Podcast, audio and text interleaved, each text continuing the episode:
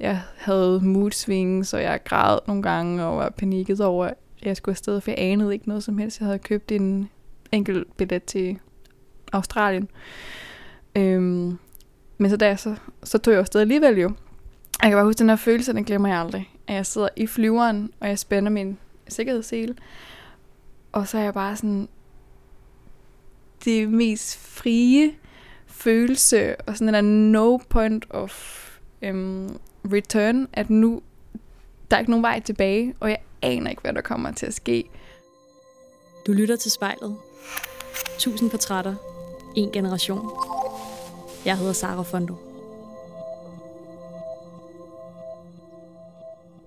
Ja, jamen øh, skal vi tjekke dit værelse ud? I dag er jeg taget til Aarhus for at interviewe Elisabeth, der har rejst i syv år rundt omkring i verden.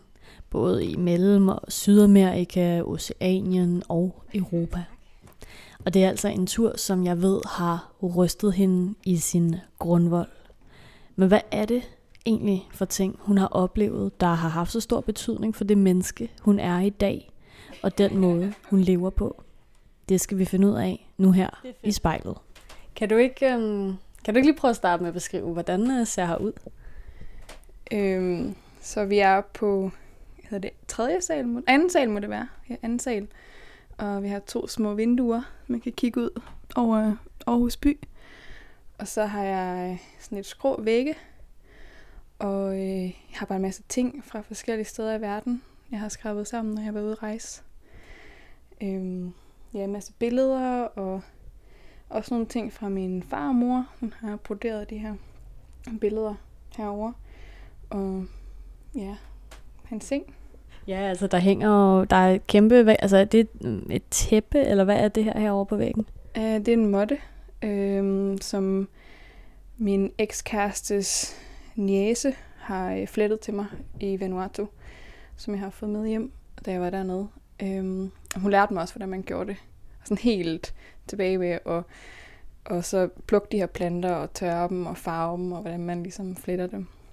Så er der også øh, et andet sådan tæppe herover med et træ. Hvad, sådan, hvad symboliserer det? Øhm, det er en vægtæppe, som jeg øh, købte dengang jeg var nede i Australien. Og øh, jeg synes bare, det har meget kraft, den her orange slash øh, gule farve. Øh, og den her sådan, hvad hedder det, grounding, øh, den har det her træ. Jeg synes bare, den er flot. Så den passer lidt ind til det hele. Sådan de her farver med sådan lidt orange, og så mørke, øh, grønt er ligesom lidt temaet, der går, går rundt hele vejen rundt. Yes. Og der er jo også nogle, øh, nogle forskellige billeder her på væggen og sådan noget. Er der, er der en af dem, der har en sådan særlig betydning for dig? Mange af dem, det er nogle, jeg havde på mit øh, teenageværelse faktisk. Øh, dengang jeg boede hjemme, som jeg har fundet frem igen, sådan postkort fra forskellige steder i verden. Og mange er også postkort, jeg har fået, øh, mens jeg har været ude at rejse, eller har, eller har købt, mens jeg har været afsted. Så der er ikke sådan et, der sådan virkelig betyder meget for mig. Så er det måske øh, det der, man du se øh, en fra Guatemala, som sidder og spiller på et instrument, øh, som en, en sød fotograf fra Guatemala gav til mig, da jeg var dernede. Og sådan, det her det er til dig. Jeg havde ikke snakket sammen meget med ham, men han var bare mega sød. Og har jo sådan, har relativt minimalistisk, altså du har en seng her i hjørnet, og der er en lille kasse der, og et skrivebord og en stol, og en lille hylde der, men, men that's it. Øh, er du et meget øh, minimalistisk menneske? Altså det har jo været i mange år, mens jeg var ude at rejse, så kan man jo ikke have så mange ting med sig. Men hvis du kigger under sengen, så har jeg ret meget skubbet væk dernede under. Øh, men så prøver jeg at holde det sådan ret minimum. Så føler jeg meget mere fri, at jeg, har, at jeg ikke har så meget øh, ting at gøre rent eller tage vare på. Og så kan jeg også nemt flytte mig igen, hvis der ikke vil bruge her mere. Så mange af de ting, jeg har på mit værelse, det er nogle ting, jeg har fundet øh, på gaden eller på øh, Facebook, øh, store skrald, eller jeg har lånt, øh, som jeg bruger midlertidigt. Ja. Og hvor længe var det, du sagde, at, øh, at du havde boet her? Øh, siden februar, så det er et, et år og nogle måneder. Ja. Hvordan har det været egentlig at have en base i alligevel ret lang tid i forhold til din standard, må jeg antage? Øh, det er så fedt. Og jeg glemmer det nogle gange lidt, men i starten havde det bare den vildeste følelse over, at det er det mit, og jeg kan bare lukke døren, og der kan ikke komme nogen ind. og øh, jeg ved, hvor jeg skal sove hver nat. Øh, jeg har køkken, og så det føles bare super rart. Det gør det virkelig.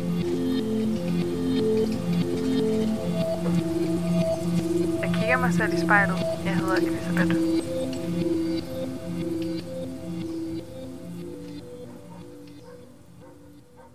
Nu har vi sat os i en øh, udestue, hvad man vil kalde det, tænker jeg. Og der er en god udsigt ud over Aarhus, og der er en masse forskellige planter, og vi drikker noget øh, hibiscus mm, te, måske, eller... Saftevand, vil jeg sige. Et eller andet refreshing. jeg har ikke lige helt godt op for det. Som simpelthen er fra nogle blade, du har hentet med hjem fra Guatemala. Præcis. Og Elisabeth, det der skal ske, det er jo, at øh, du skal i spejlet. Så øh, jeg skal forhåbentlig være med til at tegne et rigtig fint portræt af dig, så vi kan få en idé om, hvem du er. Og jeg har jo allerede lidt en idé om, hvem du er. Og det er, at du er den her vilde rejsende, der har været over det hele og været på noget af det eventyr. Hvis du skal prøve sådan at tænke tilbage på Elisabeth, inden du tog ud på den her tur, kan du, sådan, kan du huske sådan, hvem var hun? Yes, jeg var meget, meget anderledes. Øhm, så før jeg tog afsted, der gik jeg på gymnasiet. Øhm, og jeg har bare sådan hele min skoleopvækst øh, kæmpet med noget mobning og forskellige ting, for jeg har, jeg har stammet rigtig meget, så jeg har været meget sådan tilbagetrukket øh, fra sociale sammenhænge. Og så da jeg kom på gymnasiet, var det super fedt at begynde at åbne mig mere op. Øhm, og så døde min, min far i, i 2G, og jeg kom ud i en depression i, i hele 3.G, og havde det virkelig bare slemt, og vidste ikke, hvad, hvad livet skulle. Øhm, og havde bare sådan en følelse af, jamen der, der er noget mere derude, end bare at gå i skole. Øhm, og så havde jeg haft den her drøm i mange år siden jeg var ja, 12 år eller et eller andet, om jeg gerne ville rejse, og havde sparet penge op til det. Og så tog jeg bare afsted, da jeg var færdig med gymnasiet. Jeg havde lige to uger studenterkørsel og fester og huhej, og så var jeg bare afsted. Øh, tog på Interrail øh, i Europa i en måneds tid og kom tilbage og vil lave nogle flere penge, for at jeg så kunne tage afsted igen. Og du ender jo så med at tage ud på en, en rejse, der har varet i nærmest sådan syv års tid. Kan du huske følelsen, da du sidder sådan i flyveren og har en envejsbillet og har ingen idé om, sådan, hvad der skal ske, eller hvornår du kommer tilbage? Og det var den vildeste følelse. det var virkelig vildt. Jeg kan huske sådan, de der måneder, før jeg skulle ud, der havde jeg jo, endelig var jeg jo fri af skolesystemet, og jeg kunne gøre lige, hvad jeg ville. Og jeg arbejdede, jeg havde faktisk pengene, men jeg sådan skubbede lidt den her deadline ud for, for rent faktisk at tage sted, fordi jeg var hunderad for det. Men nu har jeg jo sagt det i så mange år, at jeg skal afsted, og det er nu det nu, ikke? Øhm, men jeg var altså panikket totalt. Jeg tror, jeg var sådan to uger før jeg tog afsted. Øh, jeg havde mood swings, og jeg græd nogle gange og var panikket over, at jeg skulle afsted, for jeg anede ikke noget som helst. Jeg havde købt en enkelt billet til Australien. Øhm, men så, da jeg, så, så tog jeg afsted alligevel jo. Jeg kan bare huske den her følelse, den glemmer jeg aldrig. At jeg sidder i flyveren, og jeg spænder min sikkerhedssele. Og så er jeg bare sådan, det mest frie følelse, og sådan en der no point of um, return, at nu, der er ikke nogen vej tilbage, og jeg aner ikke, hvad der kommer til at ske. Og nu er jeg bare her. Og sådan helt den der følelse af bare at være i nuet, det var det vildeste. Vildeste følelse af frihed. Og hvad, sådan, altså, hvad havde du egentlig taget med? Fordi når man tager ud og ikke har nogen idé om, hvad fanden der skal ske, hvordan pakker man egentlig til det? det er et virkelig godt spørgsmål. Øhm, ja, hvordan pakker man? Altså en rygsæk, en god rygsæk, som man kan spænde på ryggen, øhm, som ikke er alt for stor, ikke alt for lille. Og så bare en, noget tøj, øhm, og en sovepose havde jeg med. Jeg havde ikke så meget sådan campinggear eller sådan noget, det har jeg så fået senere hen, da jeg fandt ud af, at det var en god idé. Så bare en, nogle forskellige tøj til forskellige situationer havde jeg taget med. Jeg er Elisabeth, og jeg har rejst øh, jorden rundt i syv år.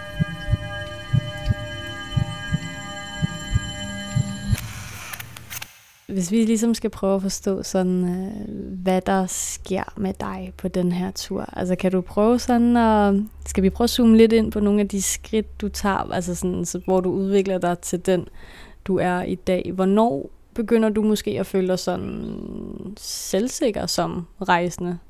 Mm, altså så den første 10 dage, der boede jeg hos øh, nogen, som jeg ikke kendte, men som jeg kendte deres bekendt. Giver det nogen mening, det jeg siger? Ja. En kontakt i Danmark, som kendte nogen i Sydney i Australien. Så jeg boede hos dem i 10 dage, og det føltes enormt tryg. Øh, og lige sådan at lande og jetlag og finde ud af, hvad jeg sådan skulle. Og så tog jeg i et ashram. Det var også meget velkendt øh, omgivelser for mig. Og så efter det, så startede ligesom sådan den rigtige rejse, rejse, føler jeg. For så mødte jeg nogle folk, som skulle til en festival, og de havde brug for friv- frivillige, så jeg var bare sådan, nice, det gør vi. Tog med dem. Man havde ikke lige sådan tænkt det der med, at når man er på festival, så skal man jo også sove der i telt. Jeg havde ikke noget telt, jeg havde, jeg havde kun min, min sovepose. Og så tog jeg bare der sted og var sådan lidt lost faktisk. Men så fik jeg så lånt et telt, som jeg så fik øhm, for, for æret bagefter. Og her mødte jeg bare rigtig mange mega cool mennesker fra øh, Australien, men også fra mange andre steder, som havde kontakter rundt omkring, eller havde nogle steder, de gerne ville se. Og så så der startede ligesom den her øh, livsstil, som jeg så har øh, fulgt siden. Det der med at, at bare rejse lidt på må og få øh, i starten. Øh, bare med, med de folk, som jeg så mødte, og så tog så sidenhen til mange af de her festivaler, eller for ligesom at møde folk, der havde sådan et samme interesser som mig. Så det har været meget altså sådan tilfældigheder, der har bestemt, hvor du skulle hen. Har du en, en sådan stor tiltro til øh, universet, har jeg lyst til at sige? øhm, jeg har tit følt, at der har været en eller anden beskyttende hånd over mig, for jeg har virkelig stået i mange situationer, hvor jeg er sådan, hvordan kommer jeg ud af det her? Øhm, og jeg føler, at jeg har været ret godt flow, når jeg så har givet slip og ikke planlagt for meget, eller for tænkt for meget over tingene, så har, har tingene sådan sket for mig. Øhm, så den filosofi har jeg fulgt rigtig meget. Øhm, den har så ændret sig lidt siden, men den har jeg fulgt. Øhm, så de første to års tid, så levede jeg meget på den måde, hvor jeg mm, enten rejste med folk øh, i deres øh, biler, eller jeg blaffede også nogle gange selv rundt. Øhm, jeg arbejdede rigtig meget på festivaler. Øhm, havde nogle forskellige jobs forskellige steder. Blandt andet kørte jeg traktor i Australien og sådan nogle ting. Øhm, og så tror jeg bare, det gik op for mig for sådan to år, at jamen, det er jo fedt at rejse, og det er fedt at se ting, men der mangler ligesom noget. Og så prøver jeg så at finde ud af, jamen, hvad kan jeg så gøre for at bidrage med noget godt i verden, i stedet for bare at, at rende lidt rundt på må og få. Og så lavede jeg nogle øhm, projekter, mens jeg var ude at rejse. Og det skal vi også øh, dykke ned i. Men jeg blev bare lige fat i, at du sagde, at du havde stået i nogle situationer, hvor du havde tænkt, uha, hvordan kommer jeg ud af det? Kan du prøve at uddybe det? Hvad har det for nogle øh, situationer været? Øhm, det, der sådan tænker på først, det er meget sådan at være fanget. Eller sådan lidt stok. For eksempel, hvis jeg har været ude og blaffe og stod et eller andet sted, og det var ved at blive mørk, og bare tænke, fuck, altså jeg kan selvfølgelig godt sove her med mit telt eller noget, men det er også lidt sketchy, og så er der altid bare kommet en mega sød familie, eller en fremmed, der bare er kommet og, og være sådan, kom hjem til mig og sov her, eller et eller andet. Vi kunne jo udfylde altså, fire programmer nærmest med bare at snakke om alle de steder, du har været, men, men hvis vi sådan skal prøve at øh, ja, begrænse os lidt, er der, sådan, er der en af dine rejser, altså nu er det jo en lang rejse, men en af dine sådan oplevelser, der står, der står særligt frem i din hukommelse? Uff, det er virkelig svært spørgsmål.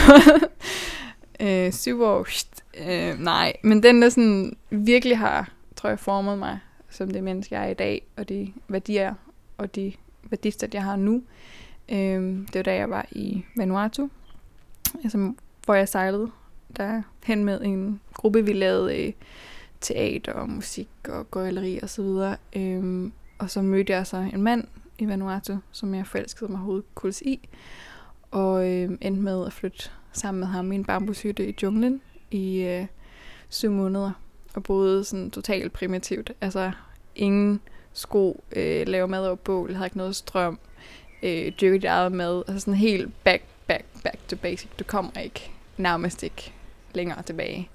Øh, det var en vild oplevelse for mig. Og det her kulturforskel og den måde, man ser naturen på. Og ja, det var hele det sted og det, vi lavede der, øh, har gjort et stort indtryk på mig. Jeg hedder Elisabeth, og jeg vil gerne inspirere andre til at følge deres drømme.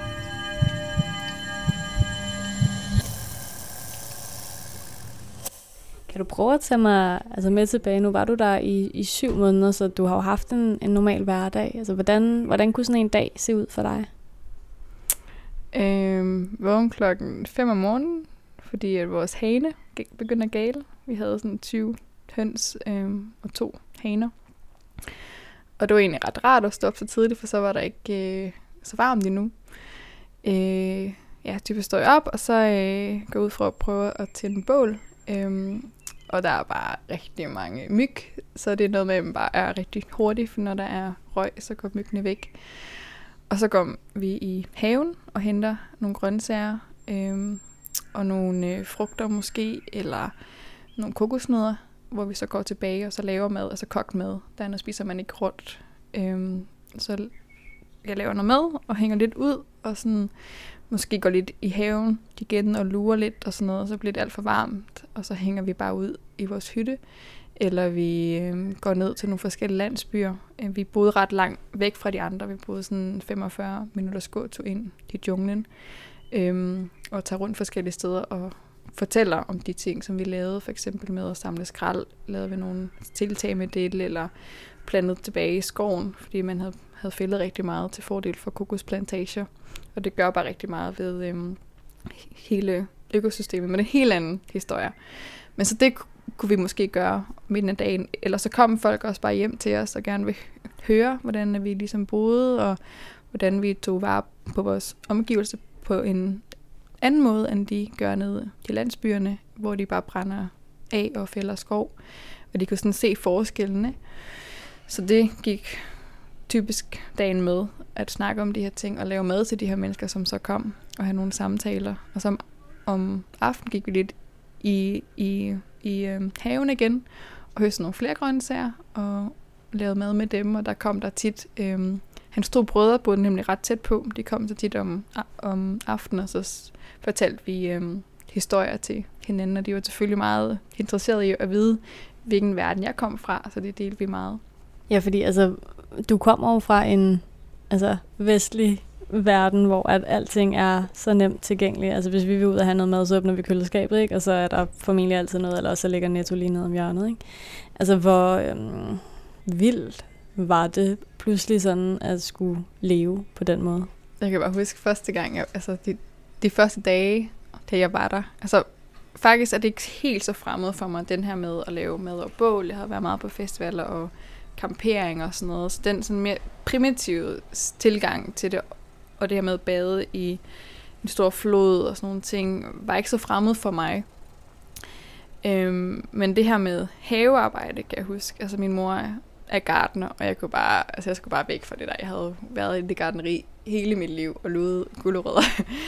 øhm, så jeg havde lidt modstand på det til at starte med. Men så øh, øhm, forelskede jeg mig i det her med at, at, at tage lille frø, og, og så plante og se, hvor hurtigt det det gik for, at det, at det kunne vokse, og hvor meget mad, at vi faktisk kunne producere med meget lidt. Altså det eneste redskab, vi havde, det var bare en øhm, machete, som vi brugte til alt. Altså til madlavning, til øh, fælde træer med, øh, til brænde, til øh, at lave have med. Og så, så det blev lidt en sport for mig at lære det her redskab at kende også bygge med det. Altså vi byggede også nogle huse og sådan nogle ting med det, der var i vores, i vores øh, omgivelser. Så jeg for, elskede mig rigtig meget den her livsstil.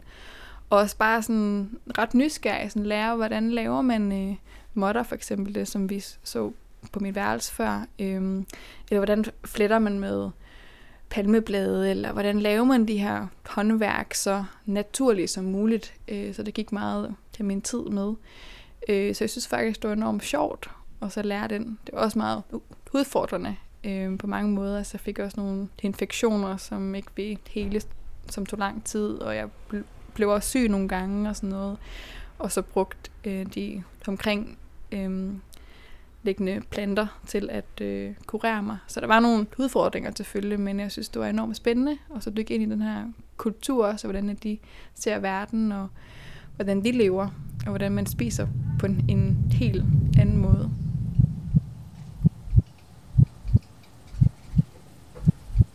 Jeg hedder Elisabeth, og jeg ser mig selv i spejlet. Og du var jo så i et forhold med en mand her fra Vanuatu. Yes. øhm, legede du nogensinde med tanken om altså rent faktisk at starte dit liv der? Rigtig meget. Altså han spurgte jo efter tre dage, og jeg kendte ham knap nok. Altså han nærmest ikke snakket med ham, om jeg ville giftes med ham. Og jeg var sådan, what? det spørger man ikke om. Øh, men det er også bare, at deres kultur er så anderledes. Altså han synes, jeg var sød, og han kunne rigtig godt lide mig, så selvfølgelig vil han gerne giftes med mig. Øhm, det var den, sådan, den tankegang, de har dernede, øhm, hvor jeg bare var sådan, wow, wow, wow. altså hvis du vil have en hvid kvinde, så kan du tage til Danmark og finde hende selv, sagde jeg til ham et eller andet fjollet, kan jeg huske. Men jeg ved ikke, hvad der skete. Jeg blev bare rigtig øhm, vild med ham efter nogle dage, og sådan sagde til ham, at jeg kan ikke, jeg skal ikke giftes med dig, men øh, jeg vil gerne bo sammen med dig, for jeg kan rigtig godt lide dig. Øhm, og så prøver vi at få det til at fungere, men han var meget sådan pushy i forhold til, at vi skulle være sammen for altid. Og jeg, kunne, altså jeg legede rigtig meget med den tanke, og kunne faktisk rigtig godt se mig selv bo dernede, og leve på den måde, for det føles bare så rigtigt. Og jeg har, jeg tror aldrig i mit liv, jeg har følt mig så forbundet med mine omgivelser, som jeg gjorde, da jeg boede dernede. Og sådan en helt ro indeni. Øh, jeg kan huske den første måneds tid, altså jeg var totalt sådan panisk, og sådan, at jeg, jamen jeg skal jo lave noget hele tiden, og jeg skal have penge, og hvordan får jeg penge dernede, og sådan det kørte bare rundt, og så var han ret god til at sige, jamen livet det er jo ikke, fordi at vi skal løbe vel, altså vi, vi er jo hernede på jorden, for vi skal slappe af, og vi skal tage vare på vores omgivelser, og, og, og også bare have det sjovt sammen. Så det fik mig lidt hened i gear, og så bare den måde, det vi levede på, var jo super afslappende. Og du nævnte, at øh, du kom der til med sådan et sejler community, som jeg ved, du også har brugt en del tid med. Kan du prøve sådan at, at fortælle mig lidt om det? Ja, selvfølgelig. Uh, så det hedder The Alternative Sailing Community, og det har eksisteret i omkring 6-7 år nu. Øhm, så det handler meget om det her sejlfællesskab, at, at, at tænke nye baner i forhold til transport og rejse øhm, og så gør øh, sejlverden tilgængelig for øh, unge mennesker, som nødvendigvis ikke har særlig mange penge, fordi at sejlerverden er meget præget af den ældre generation, som måske er gået på efterløn eller er pensioneret, så ligesom tanken er om at gøre det nemt for os unge mennesker at rejse mere øh, bæredygtigt øh, og lidt mere langsomt med både. Og det gør vi helt konkret med at tage nogle både, som måske øh, bare skal skrottes, eller som folk ikke vil have mere, som ikke kan sælge, eller som sælger det billigt, og så fikse dem op med at bruge genvendelige materialer, som vi så finder. Og der er typisk rigtig mange øh, ressourcer i, rundt omkring, som man kan, kan finde ret nemt. Og så også at, og, og, øhm, forbinde det med et element af kunst, så hver sejlbåd har ligesom sit fokus. Øh, så nogle de sejler meget med øh, cirkus for eksempel. Nogle de spiller øh, enormt god øhm, musik sammen.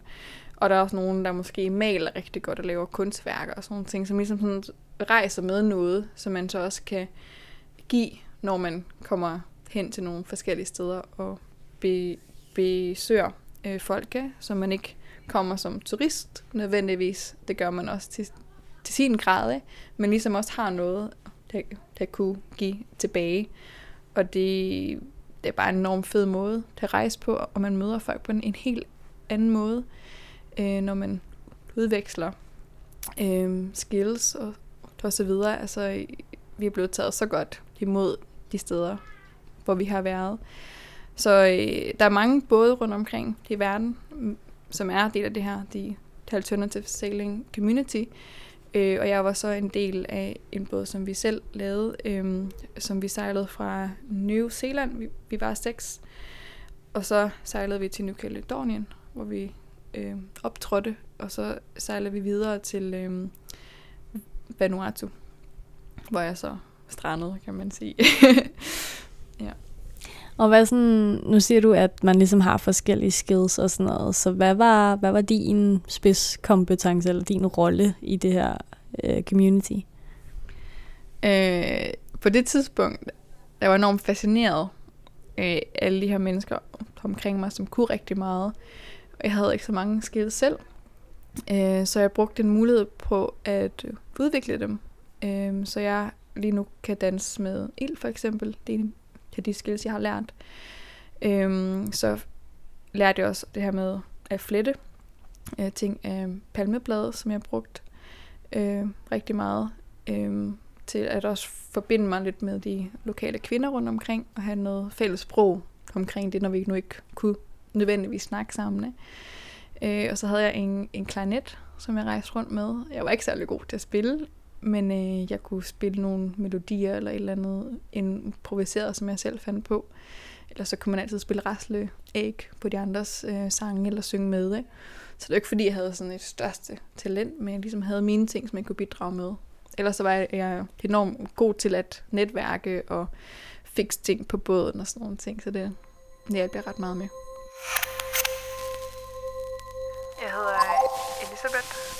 Vil gerne øh, bidrage til en positiv forandring i verden. Og det er jo altså i mere eller mindre syv år, at du er sådan på farten. Hvornår beslutter du dig for, sådan at nu skal du måske til at vende hjem til Danmark? Så på de syv år, hvor jeg har været afsted, der har jeg været hjemme sammenlagt, tror jeg, et lille års tid. Så jeg var sådan, første tur var tre, et halvt år, øh, før jeg kom hjem første gang og var hjemme i nogle måneder. Øh, men den her lyst til at rejse har sådan kommet tilbage rigtig meget, så jeg tog altid sted igen. Og sådan der, hvor jeg sådan tænkte, nu er det nok. Det var, øh, jeg havde lige været i Amazonfloden og ro i en anden karavane, også del af de alternative sailing community med, med en anden øh, fokus måske lidt. Og øh, var jeg bare enormt træt. Altså det har været en vild oplevelse. Vi har mødt så mange mennesker og gjort så mange ting, og var lidt, lidt udmattet efter det, og sådan lidt den her følelse af, jamen, det er jo fedt at gøre nogle lidt øh, mere græsrodsprojekter. Men jeg, jeg følte bare, at jeg manglede noget øh, mere i min øh, bagage til rent faktisk at kunne gøre en forandring i verden.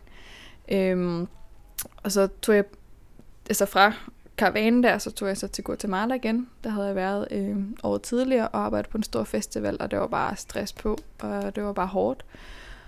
Og så lige efter det, så var jeg bare totalt træt, tror jeg. Øh, og jeg tænkte, at jeg må gøre noget andet. Øh, jeg må øh, lære nogle, nogle flere ting, så jeg kan gøre en, en endnu større forskel i verden. Og så vendte jeg tilbage til, til Danmark en måned før øh, coronaen, krisen kom. Øh, så ret god timing. ja, og øh, søgte sig ind på kærespiloterne. Og hvor stor en udfordring var det så, altså at komme hjem og pludselig sådan skulle forholde sig til, jamen, sådan, til dig selv og, og dine nye slash vante omgivelser? var en kæmpe omvæltning. Altså fra hele tiden at være på farten, og sådan, jo, hvor skal jeg sove i nat, og hvor skal jeg spise, og hvordan er hvorledes, og hvad skal jeg i morgen, og så bare være et sted, bum, en måned efter corona, bum, jeg sidder og læser kemi, øhm, online, altså total kulturschok, og ja, vanechok. Øhm, ja, det var faktisk, det har, det har taget mig lang tid, og jeg, og jeg føler stadig ikke helt, jeg er helt er landet. Altså det, det er noget, som tager lang tid af, at få alle de her indtryk, jeg har fået med mig på vejen, og få dem integreret i, hvem jeg er lige nu, og hvem er jeg, når jeg ikke rejser. Altså, det har jeg ikke prøvet i rigtig lang tid. Og så finde ind til det. Jeg gå på en uddannelse nu. Øhm, er jeg øhm, kærespilot øh, på første år. øhm, at gå på en meget krævende uddannelse, som virkelig får dig til at kigge ind til kernen. Jamen, hvem er du, og hvad vil du øhm, i dit liv? Og reflektere over din adfærd og dine handlinger hele tiden, og blive konfronteret med sig selv. Det er ikke noget, jeg har gjort så meget af, når jeg var ude at rejse, fordi der har det bare været på, og derhen og derhen, og nu skal vi få det her til at ske og sådan noget. Så det har øh, været en kæmpe omvæltning for mig, men jeg føler, at det er enormt vigtigt, de også. Så i stedet for at, at rejse ud af, jamen, så rejser jeg mere indad nu. Og har du så opdaget noget nyt, nu, nu du har sådan bevæget dig indad? Ja, det har jeg. Ja. Jeg har øh, måske nogle sider af mig selv, som jeg ikke er helt så stolt af, som jeg sådan har faret lidt væk under gulvtæppet, og jeg blev meget tydeligt. Øh, Øhm, hvor jeg kan se, hvor jeg er nødt til at udvikle mig. Øh, så det sætter jeg stor, stor pris på. Og hele tiden har det her mindset med at være opmærksom på de sider, øh, som jeg gerne vil sådan styrke.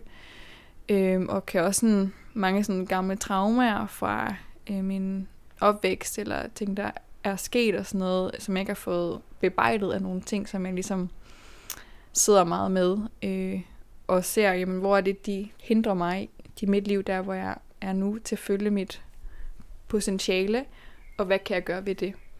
Så det er et helt sikkert øh, noget, jeg ligesom arbejder med rigtig meget lige nu, og så kigge ind af. Og selvom du sådan er Elisabeth i Danmark nu, og ikke sådan Elisabeth den rejsende, så er det jo en stor del af dig. Hvordan kan du mærke, at din rejse ligesom har indflydelse på de valg, du tager i dit liv nu? Hmm. En god spørgsmål. Stiller nogle gode spørgsmål.